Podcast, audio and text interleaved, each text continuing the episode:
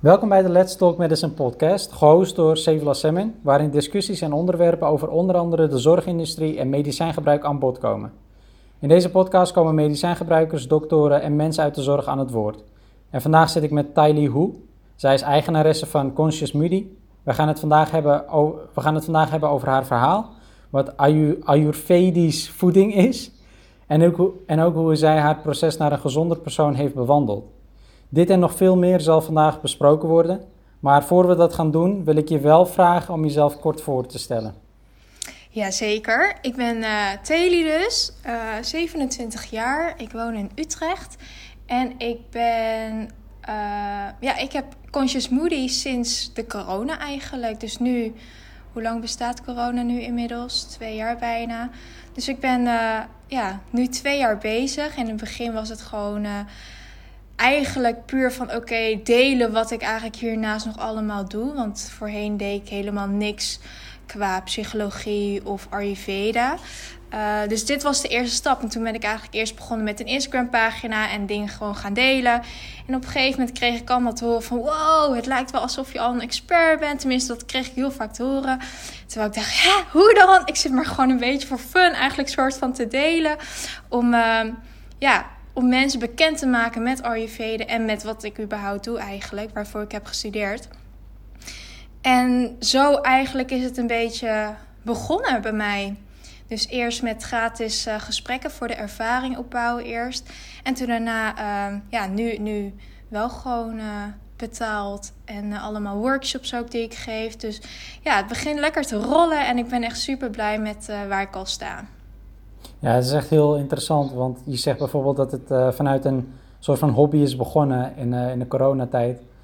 En dat het dan nu zo aan het rollen is, is echt heel bijzonder. En uh, ik denk dat je er heel vaak naar terugkijkt en beseft van waar je bent begonnen, dat het heel erg bijzonder is. Ja, zeker is het ook. Ja. ik, ik, maar zullen wij, zullen wij helemaal naar het begin gaan? Want het begon niet alleen maar bij het begon niet alleen maar bij, bij corona. Het was daarvoor al, was er iets aan de hand. En dat heb ik al stiekem gelezen. Ja. Maar uh, waar begon jouw verhaal? Waar begon mijn verhaal? Nou ja, eigenlijk vanaf kinds af aan eigenlijk begon het al. Ik ben opgegroeid in een, uh, in een Aziatische cultuur waar hè, heel veel druk is op. Je moet presteren, school is belangrijk en uh, alleen maar daarop focussen. En ik als kind zijnde was eigenlijk een super creatief, heel erg enthousiast aanwezig kind die heel erg hield van dansen, sociaal zijn, naar buiten gaan. Helemaal outgoing, zeg maar. En dat kon opeens niet meer. Dat mocht opeens niet meer. Dus um, ja, mijn passie voor dansen moest ik toen eigenlijk wegschuiven voor school. Ik moest constant maar bezig zijn met school. En, en ik moet eerlijk zeggen, ik ben niet een, van nature een slim, slim persoon. In de zin van, ik heb best wel veel moeite uh, moet ik doen om, om te leren. Dus dat betekent, als mijn ouders van mij verwachten, ik moet hoge cijfers halen, dan zat ik constant in die boeken. Dus daardoor uh, ja, waren mijn sociale uh, activiteiten vielen toen weg. En toen was ik eigenlijk alleen maar thuis te vinden uh, in mijn boeken.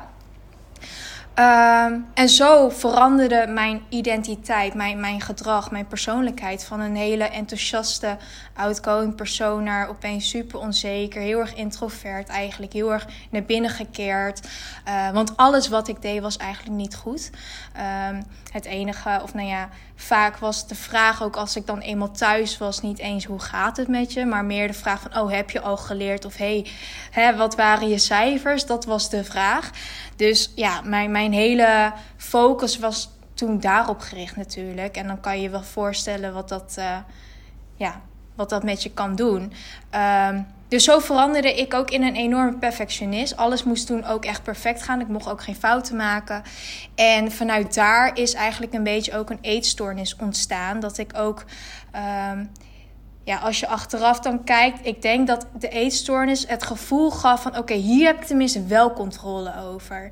Hè? Uh, het ging bij mij niet puur om het uiterlijk in de zin van ik moet dun worden. Ik had wel opmerkingen gekregen van buiten van goh, je bent best wel mollig. Of hè, ik werd altijd ook constant vergeleken met andere mensen. Dus Uh, ik kreeg wel opmerkingen over mijn uiterlijk, maar dat was niet de eerste instantie waarom ik bijvoorbeeld uh, anders ging eten of meer ging sporten. Het sporten was echt een pure uitlaatklep voor mij. Dus dat vond ik ook echt heerlijk om te doen. Dus eigenlijk eindstand was het meer van... Ik sportte enorm veel. Ik at normaal, maar omdat ik meer verbruikte dan dat ik innam... ging ik opeens heel veel afvallen. En op een gegeven moment was dat gevoel van controle van... wow, oké, als ik dit doe en dan komt dat effect... Dat gevoel van controle gaf je dan ook weer een soort van een gevoel van: oké, ik ik kan toch wel iets of zo. Hè? Het gevoel van uh, een houvast. En dat was gewoon heel erg fijn. In een, in een situatie waar alles gewoon super onzeker was. Of waarin je zelf super onzeker bent over jezelf geworden. Um, ja, enorm minderwaardigheidsgevoel natuurlijk. Als mensen constant tegen je zeggen: je, je doet dit niet goed, je doet dat niet goed. Constant kritiek. Dus zo uh, is het een beetje ontstaan eigenlijk. Dus toen heb ik een eetstoornis gekregen. Um, en vanuit daar heb ik chronische darmproblemen ook gekregen, omdat mijn hele lichaam ontregeld uh, werd. Uh, mijn hele lichaam was helemaal in de war van wow, wat gebeurt er allemaal? Dus toen ik op, op een gegeven moment weer meer begon te eten en ook andere dingen begon te eten, ik at very clean. Dus toen ik weer een soort van rotzooi ging eten, toen ik mezelf dat ging toestaan, toen dacht mijn lichaam echt, wat de fuck gooi je, gooi je nu weer in mijn lichaam? Um, dus daardoor ook heel veel intoleranties, et cetera. Dus ik heb heel lang ook gelopen met darmproblemen. En elke keer naar de huisarts ook toe gegaan met... Goh, ik, ik loop hier tegenaan. Maar telkens uh, zeiden ze van nee, het is niet erg. Het is niet ernstig. Je moet gewoon wat meer vezels eten of meer water drinken. Um, dus er werd niet echt naar geluisterd. En ik voelde me ook ja, afgewimpeld eigenlijk. Dus... Um, ja, toen kwam die interesse natuurlijk wel van: oké, hoe wat, wat is er nog meer mogelijk? Hè? En toen ben ik ook wel gaan kijken naar alternatieve uh, ja, manieren van gezondheid. En zo, ja, die hele zoektocht, eigenlijk uiteindelijk ben ik dus beland bij Ayurveda. Maar ik moet zeggen, ik, ik heb psychologie gestudeerd. En dat kwam omdat ik vanaf jongs af aan iemand zei tegen mij van... Goh, als je door de supermarkt loopt, dan word je al helemaal beïnvloed door het licht. Weet je wel, de Albert Heijn heeft bijvoorbeeld een hele andere licht dan de Lidl.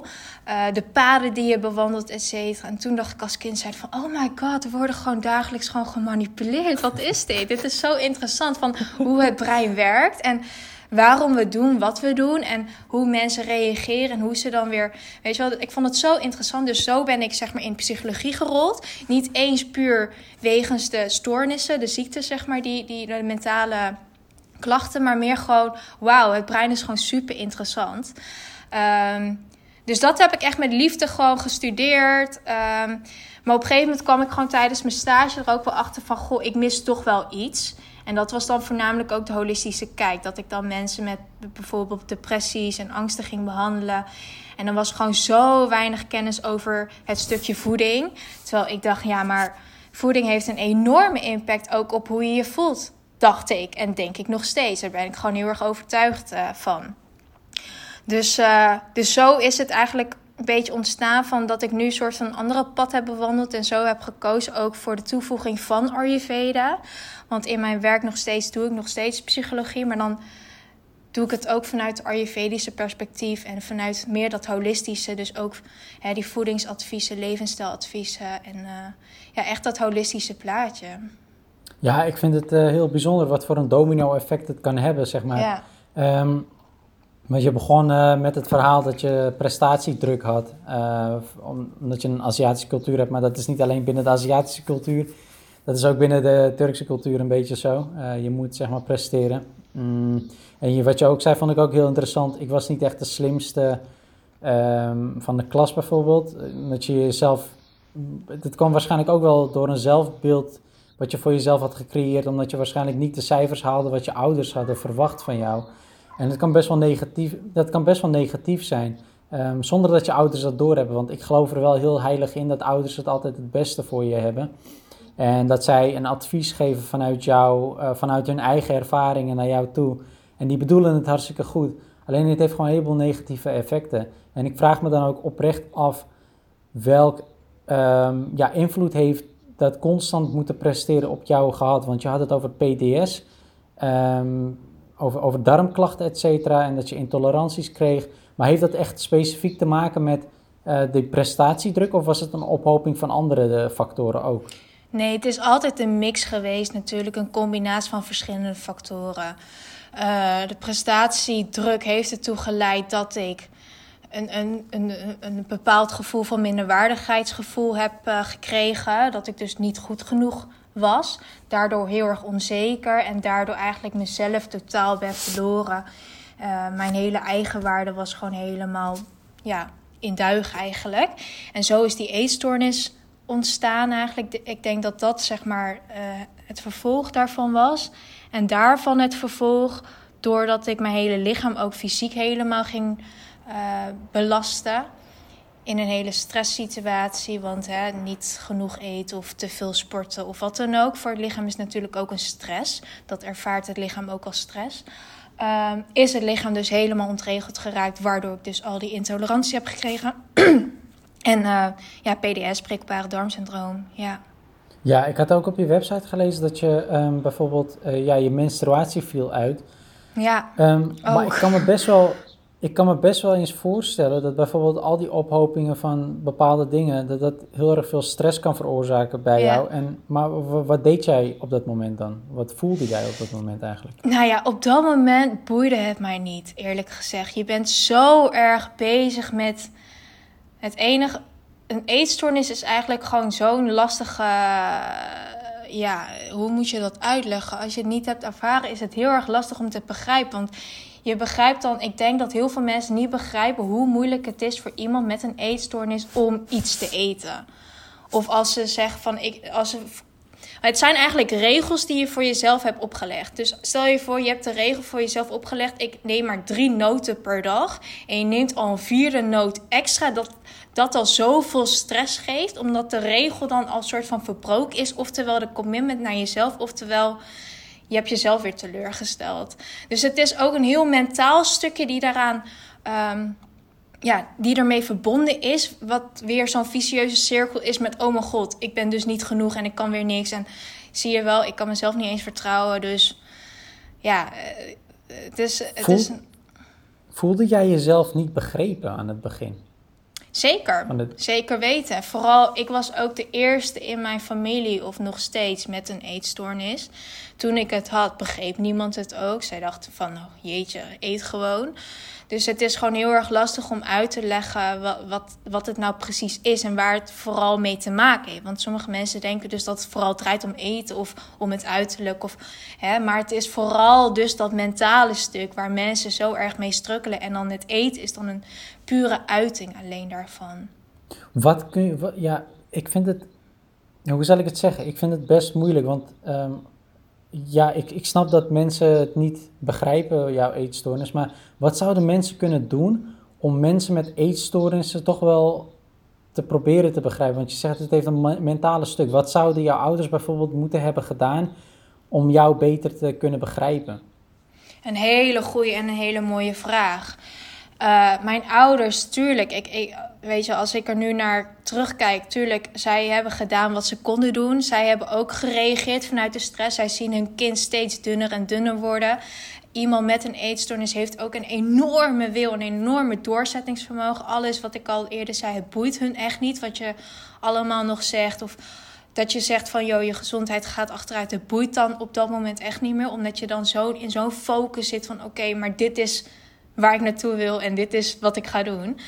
Dus het enige, denk ik, wat je kan doen is um, vooral uh, het contact maken met het emotionele stuk in haar.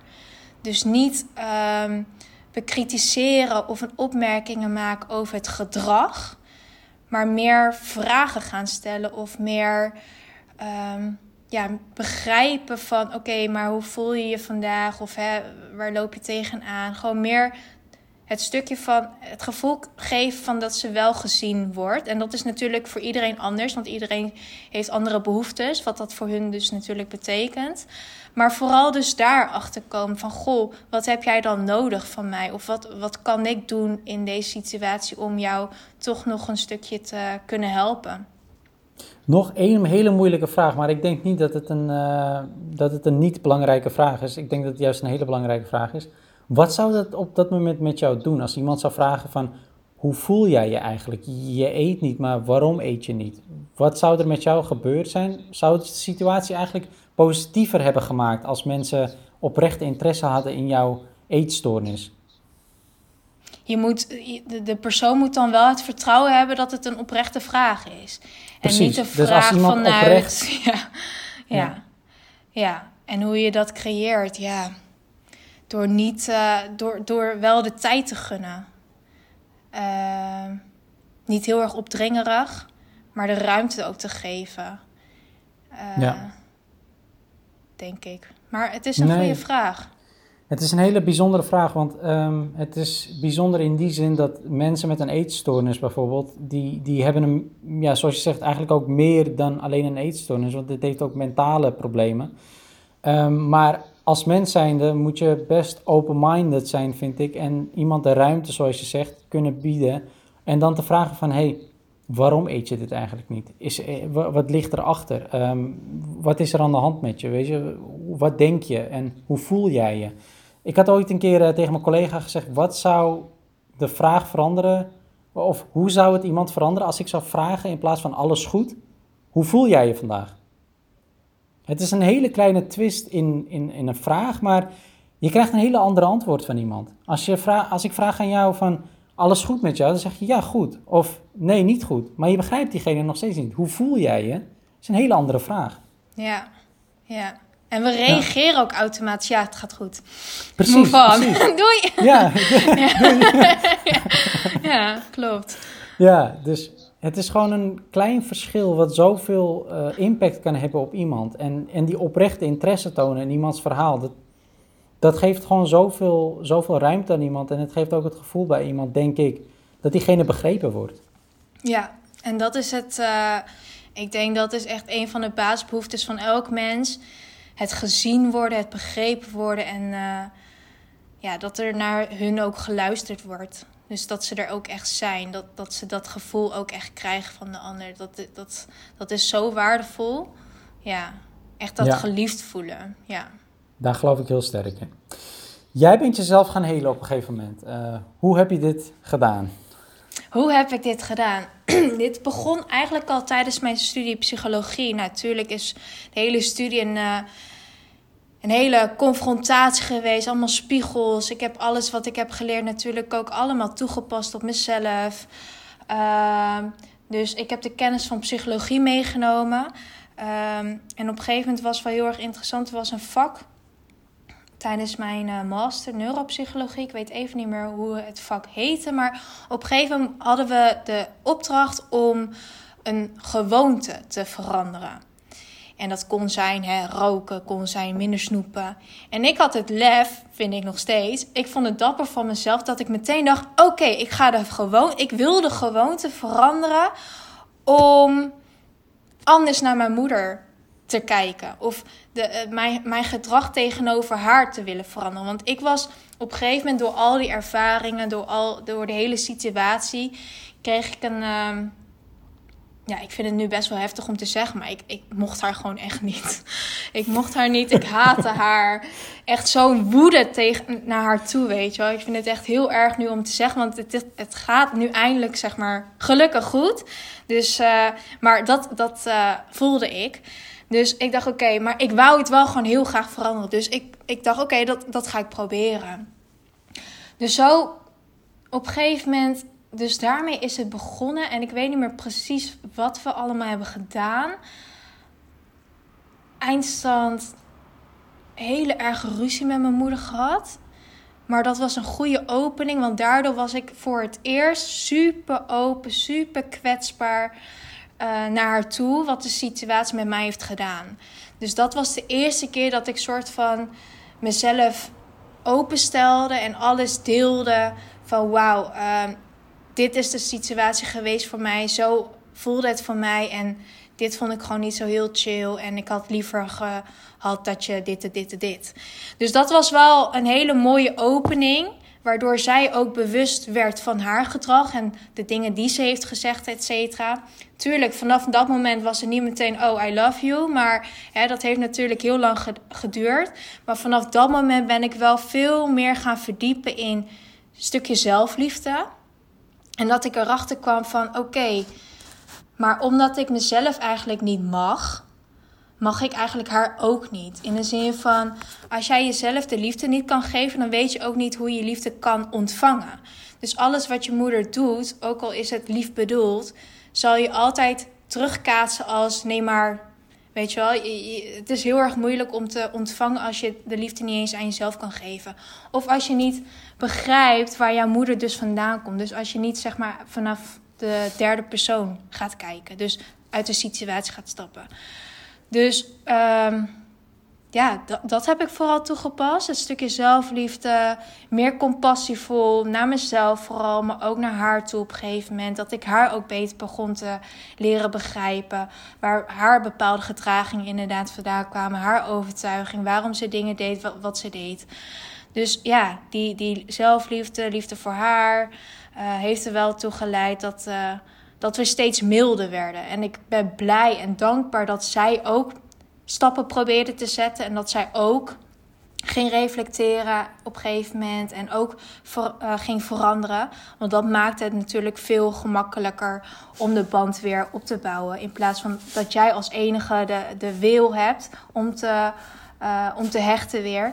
Maar dat zij nog steeds in haar oude patronen zit. Dan zit je echt te trekken natuurlijk. En op een gegeven moment kost dat natuurlijk ook weer heel veel energie. Dus ik ben heel erg blij dat zij ook daarin haar eigen stappen heeft gemaakt. Waardoor we steeds weer hè, die stappen naar elkaar toe hebben gezet.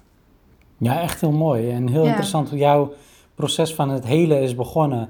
Want het woordje hele, dat is ja, best een breed woord, vind ik. Je kan op heel veel verschillende manieren helen. En jij uh, bent, als ik het goed begrijp, geheeld op een zelfliefde kant. Dus um, hoe ken ik mezelf eigenlijk wel? Uh, wie ben ik en um, wat zijn de, de patronen die ik heb? Echt heel mooi. Um, jouw Instagram-pagina heet Conscious Moody. En dat is mij heel erg opgevallen en ik vroeg me af wat dat betekent. Betekent? Oh, leuke yep. vraag. Conscious is bewust, zijn, bewust. En moody is eigenlijk moody.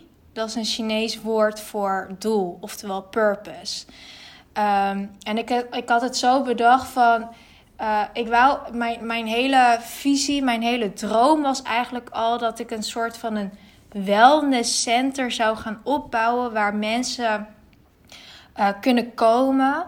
Uh, waar ze kunnen leren over gezondheid. Dus echt dat stukje preventie, want dat heb ik dus heel erg gemist.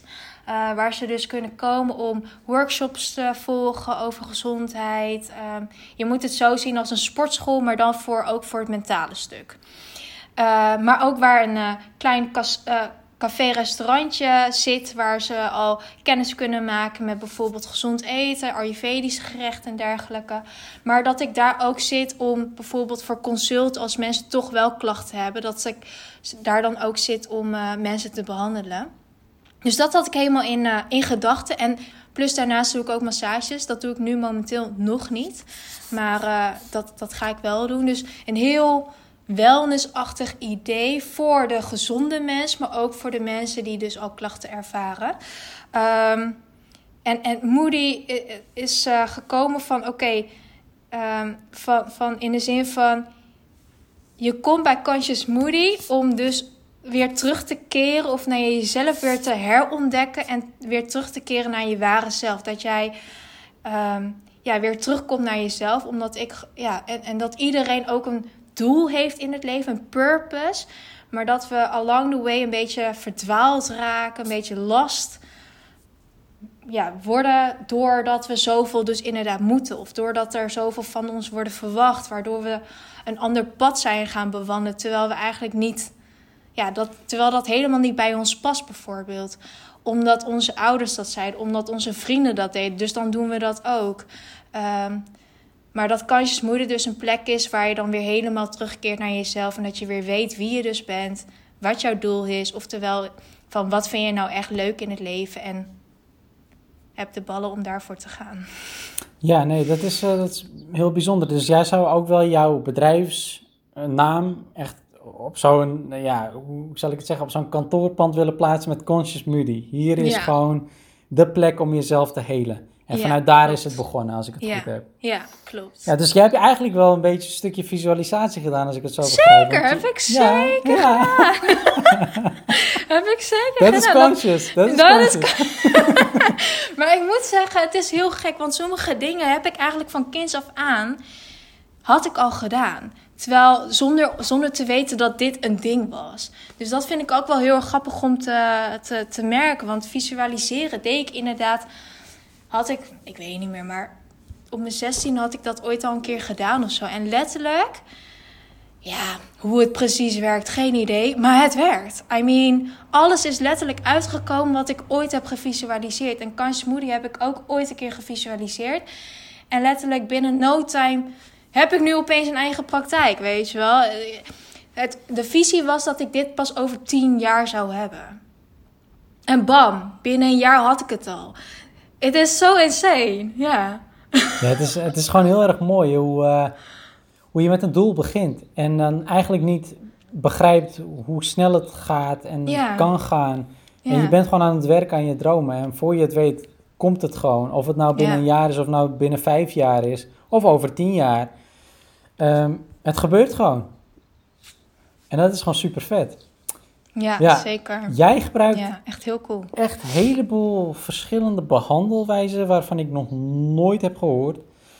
Ehm, maar welke behandelwijze gebruik je voor je cliënten eigenlijk?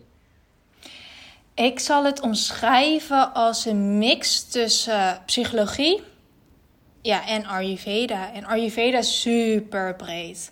Ayurveda echt super breed. Dus je kan het pakken op het voedingsstukje. Dus hè, welke voeding past het beste bij jouw lichaam en geest.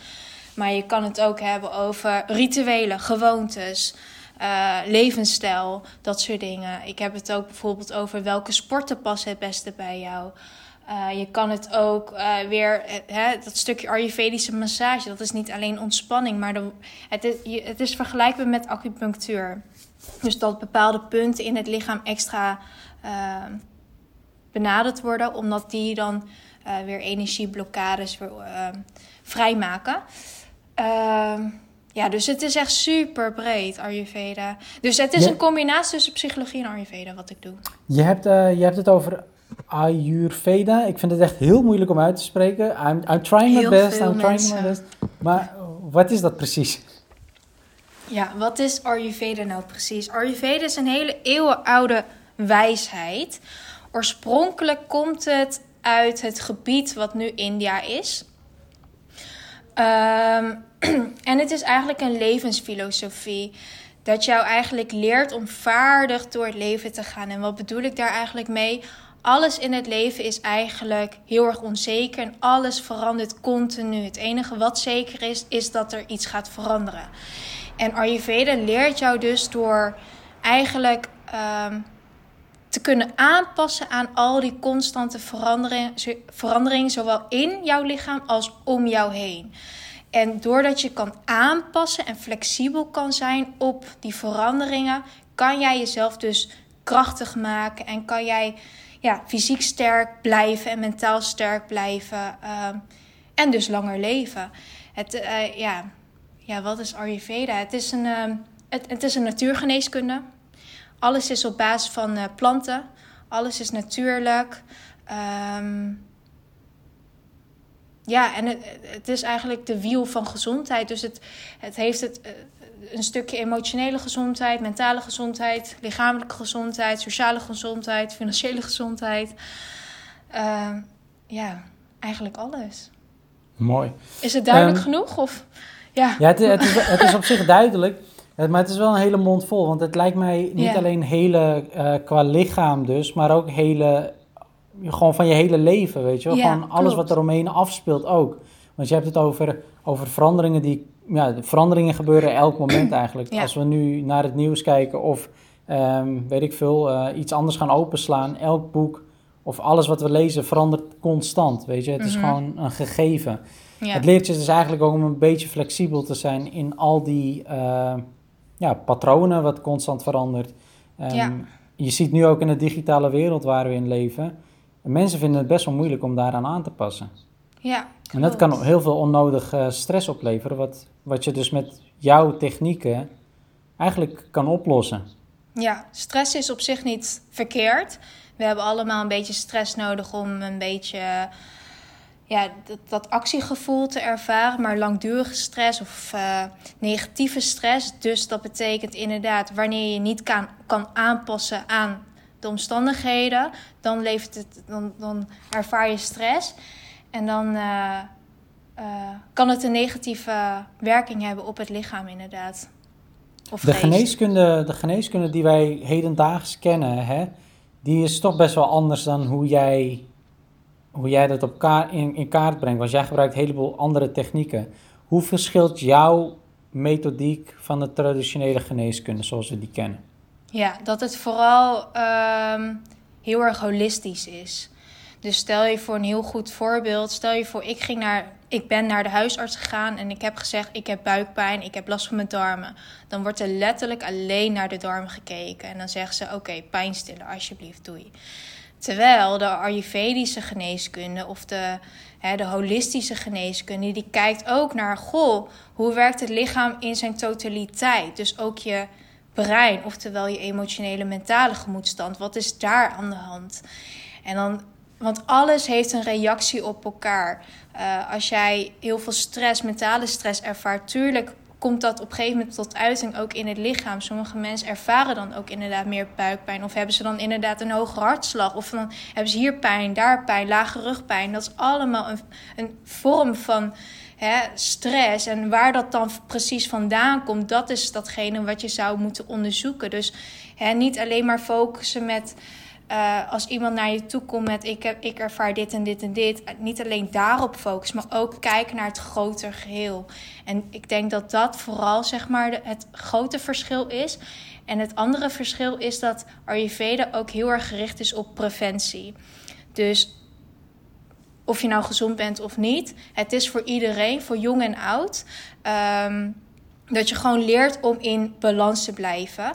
Ehm, en jouw balans ook te kunnen vinden. Want balans is voor iedereen natuurlijk ook weer anders. Maar jouw sweet spot eigenlijk te vinden, weten wat jouw uitdagingen zijn, weten waar je ook weer van oplaadt. Hè? Dus eigenlijk je energiezuigers, je energiegevers. Ehm, dat je weet van hè, welke tools heb ik dan weer nodig? Wat heeft mijn lichaam nodig? Wat heeft mijn geest nodig om weer lekker fit en vitaal door het leven weer te gaan? Heel interessant, vooral dat stukje preventie. Want ehm, ik, heb, ik heb persoonlijk het gevoel dat hedendaagse geneeskunde alleen maar bezig is met hoe kunnen we een bestaand probleem oplossen. Maar niet Ja. kijken naar hoe kunnen we dit langdurig voor iedereen eigenlijk voorkomen. Ja, het is Is dat voornamelijk dan dan. ook- het is, Is dat ook dan ook... oh, eh, sorry. ja, sorry hè. Maar is dat dan ook volgens jou wat er mist in traditionele geneeskunde? Ja, ja. Dat, dat geloof ik. En daarom stoorde ik me ook zo enorm aan wat ik dus zag gebeuren en wat ik zelf heb ervaren. Waardoor ik dacht, oké, hier wil ik niet aan bijdragen. En nee, ik weet dat het ook anders kan.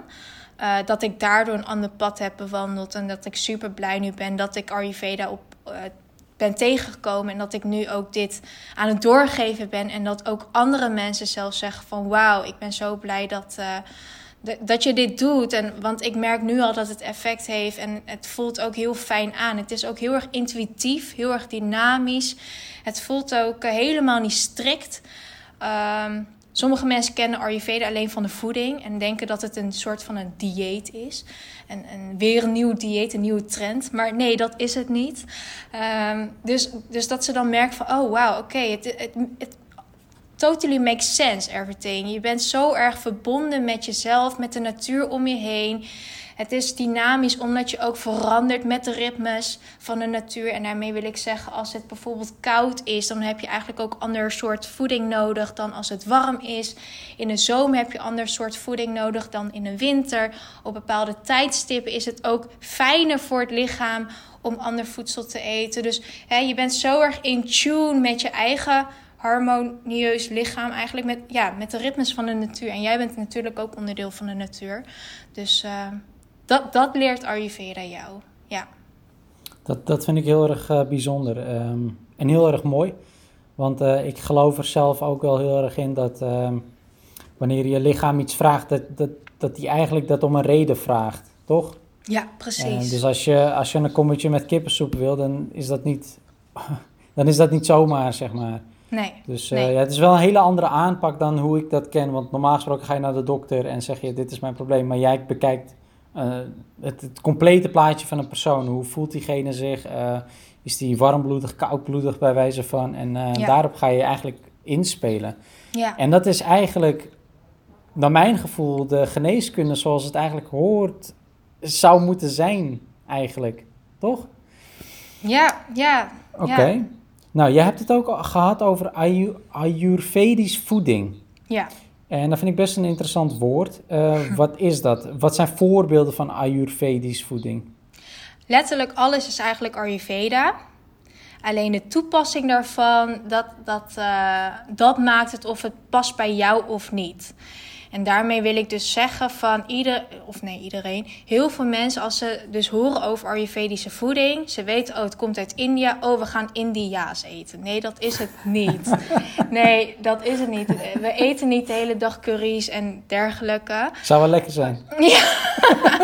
of dat mensen zeggen, oh nee, ik kan niet tegen spicy food. Oh, dan is Ayurvedische voeding niet voor mij. Nee, gelukkig niet. Ayurveda is letterlijk alles. Um, alleen wat maakt het dus Ayurveda is dat we dus echt kijken naar het lichaam.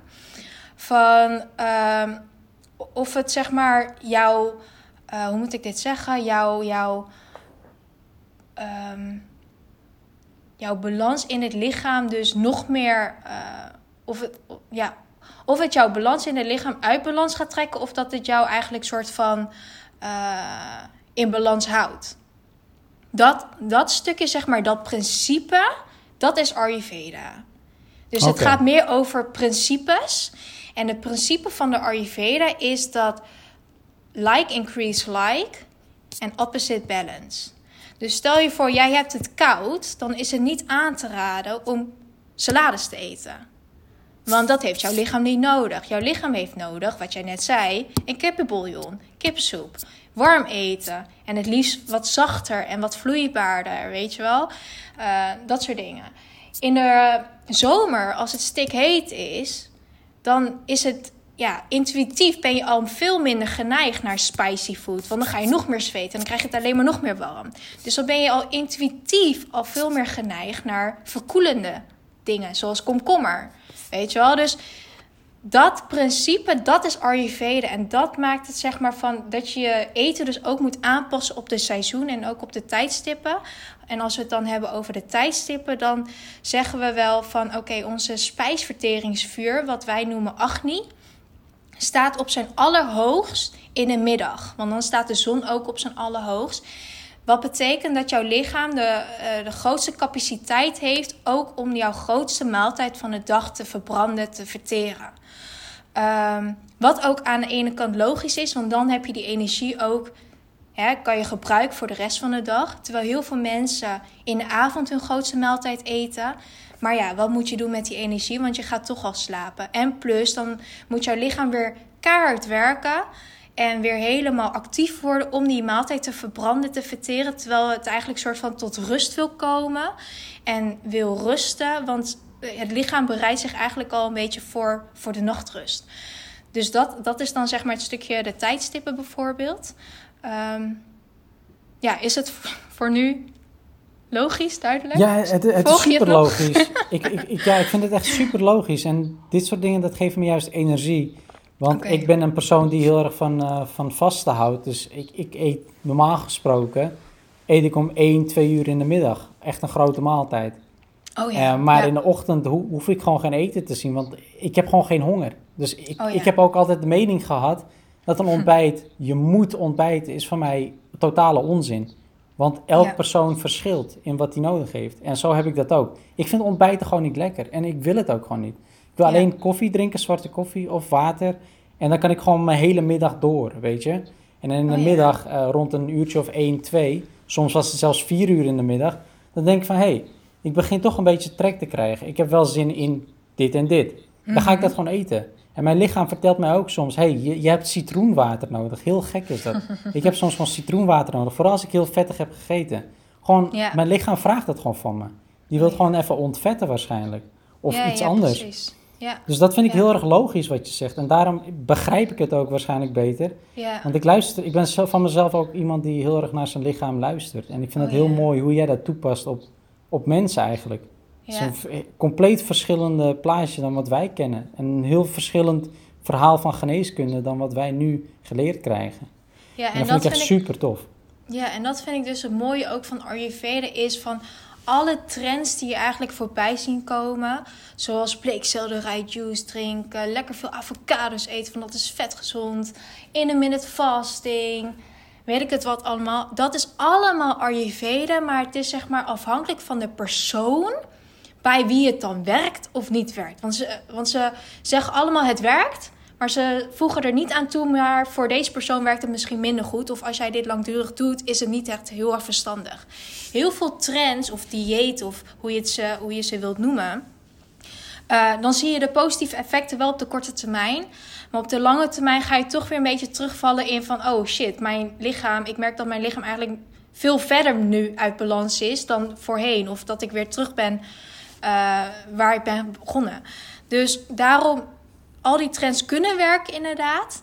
Maar ehm, het is heel erg afhankelijk van de persoon en ja, al die dingen, of het werkt of niet werkt. Ja. En wat jij zegt in de begrijp- als ik het zo hoor, hè, dat vasten. Oh ja, Mhm. sorry, ja. Nee, nee, ga, ga, ga maar verder. Ja, jij zei over het vasten inderdaad, dat je in de ochtend bijvoorbeeld geen honger had en dan in de middag eigenlijk al je grootste maaltijd eh, nuttigt. Mhm. Sommige mensen eh, hebben dat bijvoorbeeld totaal niet. Als, als ik het dan spreek over vanuit, eh, vanuit Ayurveda, je hebt ook Pitta-personen eh, met een Pitta-lichaam. Zij moeten echt, echt eten om de 2 à 3 uur, want anders worden ze echt letterlijk hungry en dan gaan ze, worden ze heel erg geïrriteerd en gefrustreerd, weet je wel. Hun spijsverteringsvuur is bijvoorbeeld super snel. Dus zij moeten ook echt eten. Dus als zij bijvoorbeeld tegen hun wordt gezegd: je moet op een intermittent fasting dieet gaan, voedingspatroon, want dat is goed voor jou. Nou, op de lange, eh, lange duur, weet je wel. eh, worden ze alleen maar nog chagrijnig en dan. eh, nee, dat is, nee dat, dat, dat is niet oké. Nee, dat is dus wat ik bedoel van, weet je, van, van mijn lichaam, ik, ik hou vasten met een reden en dat doe ik ook heel graag. En het voelt gewoon hartstikke goed bij mij. Ik heb zelfs 48 uur eh, gevast. Mhm. En dan vind ik gewoon, ik vind dat gewoon lekker voelen, weet je. Mijn lichaam voelt gewoon weer schoon, ik, ik krijg er gewoon energie van, mijn focus wordt verdrievoudigd, lijkt het wel. En ik ben sowieso niet iemand die, ik hou heel erg van eten, maar het is niet Mhm. zo dat ik de hele dag aan eten denk of zo. Of dat mijn spijsvertering zo hoog is dat ik om de twee uur moet eten, dus dan eet ik ook gewoon niet. Dan vind ik het gewoon overtollig. Dan doe je het gewoon omdat je er zin in hebt. Ja. Dus, Ik denk ehm, ook dat heel veel mensen inderdaad die relatie met voeding, dat is eh, eh, zo ingewikkeld in de zin van, we, we leren natuurlijk ook heel veel verschillende dingen over voeding. Iedereen heeft wel een bepaalde mening over voeding. En wat hebben we geleerd vanuit huis inderdaad? Is eh, eten voor de gezelligheid of is eten puur een, eh, om te functioneren of is eten, weet je wel? Dus wat is jouw... overtuiging omtrent eten, dat heeft natuurlijk ook daarmee heel veel te maken. En misschien is het voor jou, ehm, ja, wat is jouw overtuiging? Ja, Dat, precies. dat, dat ja. jij dus zo goed kan vasten, bedoel ik. Ja, mijn, mijn overtuiging? Ja. Ja, wat bedoel je met overtuiging? Ehm, want, want heb jij dat al eerder, of eh, hoe moet ik dat zeggen? Heb je dat altijd al gehad? Ja, zeker weten. Ehm, ik heb altijd al gehad dat ik, eh, dat ik heel erg van vasten hou. Ehm, ja, ik ben, ik ben islamitisch en ik vast sowieso in de vaste maanden. Maar mijn interesse in vasten was eigenlijk al heel vroeg begonnen. Oh, ja. Ehm, Vooral op de ja, eindmiddelbare school enzovoort. Ja, ik vond het gewoon super fascinerend van Ja. wat vasten eigenlijk met je lichaam kan doen. Ja. En daar ben ik gewoon verder gaan onderzoeken, et cetera. En ik heb daar ook een heel artikel over geschreven. Waarom ik vind dat vasten gewoon goed is. En voor mijn lichaam dan. En wat mijn ervaringen waren. En wat er eigenlijk allemaal gebeurt in jouw lichaam wanneer je aan het vasten bent. Ja. Ehm, vooral langdurig vasten, weet je. Dat 72 uur, dat het zelfs je lichaam dan nieuwe cellen gaat aanmaken. Eh, dat vind ik gewoon super fascinerend. En Mhm. ik vind dat mensen ook niet echt zijn gemaakt om 24-7 te gaan eten. We hebben heel veel en we kunnen heel snel ver- verleid raken aan al die lekkere dingen en zo die om ons heen eh, zijn. Maar juist je lichaam af en toe de rust geven om zichzelf te helen, in plaats van constant bezig zijn met verteren. Ja. Ehm, ja, ik heb die overtuiging en ehm, het voelt gewoon heel goed bij mij. Dus daarom doe ik het ook heel graag. Ja. En Ja, ehm, ja, zo is het eigenlijk begonnen. Mooi, ja. Ja. Ik, ik geloof er ook wel echt in, zeker. Vasten is niet voor iedereen, denk ik. Nee. Maar inderdaad, ik geloof wel in van als je een tijdje vast... en er zijn natuurlijk verschillende manieren van vasten. eh, dat dat inderdaad echt een soort van jouw natuurlijke detoxprogramma van het lichaam weer aanwakkert. Van oké, ga maar even je lichaam weer opnieuw resetten. Ehm, dat dat echt wel iets goeds kan eh, doen voor het lichaam en de geest dus. Ja, Precies, dat is ook wel weer een stukje preventie waar je het over hebt. Want ehm, zodra jij je lichaam dus die rust geeft, ehm, dan kan die ook weer zijn werk gaan doen ja waar hij eigenlijk nooit de tijd voor heeft gehad. precies. Ja, klopt. En dat vind ik Ja. best wel gaaf. Ehm, ja, dat vind ik gewoon heel erg mooi aan het lichaam. En dat, eh, daar krijg ik gewoon eh, heel veel energie van om dat soort dingen te gaan onderzoeken. En dus met mensen zoals jij in gesprek te gaan. We hebben het net gehad over holistisch te werk gaan, et cetera. Is dat wat je net allemaal hebt opgesomd, bijvoorbeeld ook voorbeelden van holistische geneeskunde? Of een holistische werkwijze? Ja, eigenlijk wel inderdaad. Ja, dus dat ik dan eigenlijk het, ehm, het grote geheel zie, het lichaam in zijn totaliteit bekijk en niet alleen naar waar de persoon zeg maar zelf mee komt als klacht, maar dat ik dan eigenlijk nog verder vraag. Ehm, dus het verschil dan met de traditionele, als ik het dan zo mag zeggen, is dat zij dan vooral pleisters aan het plakken zijn op de wond. Ehm, even korte termijn oplossing eigenlijk. Maar dat wij dan eigenlijk de, echt op zoek gaan naar de kern, de dieper liggende kern. En soms is die niet op de oppervlakte meteen zichtbaar. Maar dat we daar proberen achter te komen en juist die aan te pakken. Zodat het ook op de lange termijn bijvoorbeeld niet meer terugkomt. Ja. Ja, mooi hoor, heel mooi. Ehm, een hele leuke vraag voor jou. Eh, vooral ook omdat je in het verleden heel erg ehm, ja, werd gepusht om bepaalde resultaten te halen. We leven namelijk in een wereld waar ehm, ja, constant meer van ons wordt gevraagd. Ehm, hoe kunnen wij als mensen, mensen hier het beste op anticiperen? Hmm, goeie vraag. Hmm. Nou ja, ik denk ten eerste wat heel erg fijn is om te doen, is om weer terug te keren naar jezelf van wat wil ik als persoon. En even alles ehm, proberen te laten vallen wat je denkt dat goed is. En opnieuw met een nieuwe lens weer probeert te kijken van oké, maar is dit eigenlijk wat ik wil en wat goed is voor mij? Of heb ik dit ergens van iemand gehoord en, en daar ben ik in gaan geloven?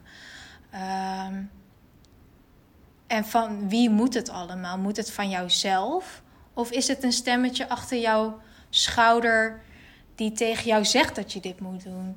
Dus wie is dan die stem die constant in je hoofd zit te praten? Ehm, ja, van wie is die stem? Ja. Ja, is dat echt van jezelf of is dat echt van een ander? Ja, Question mark.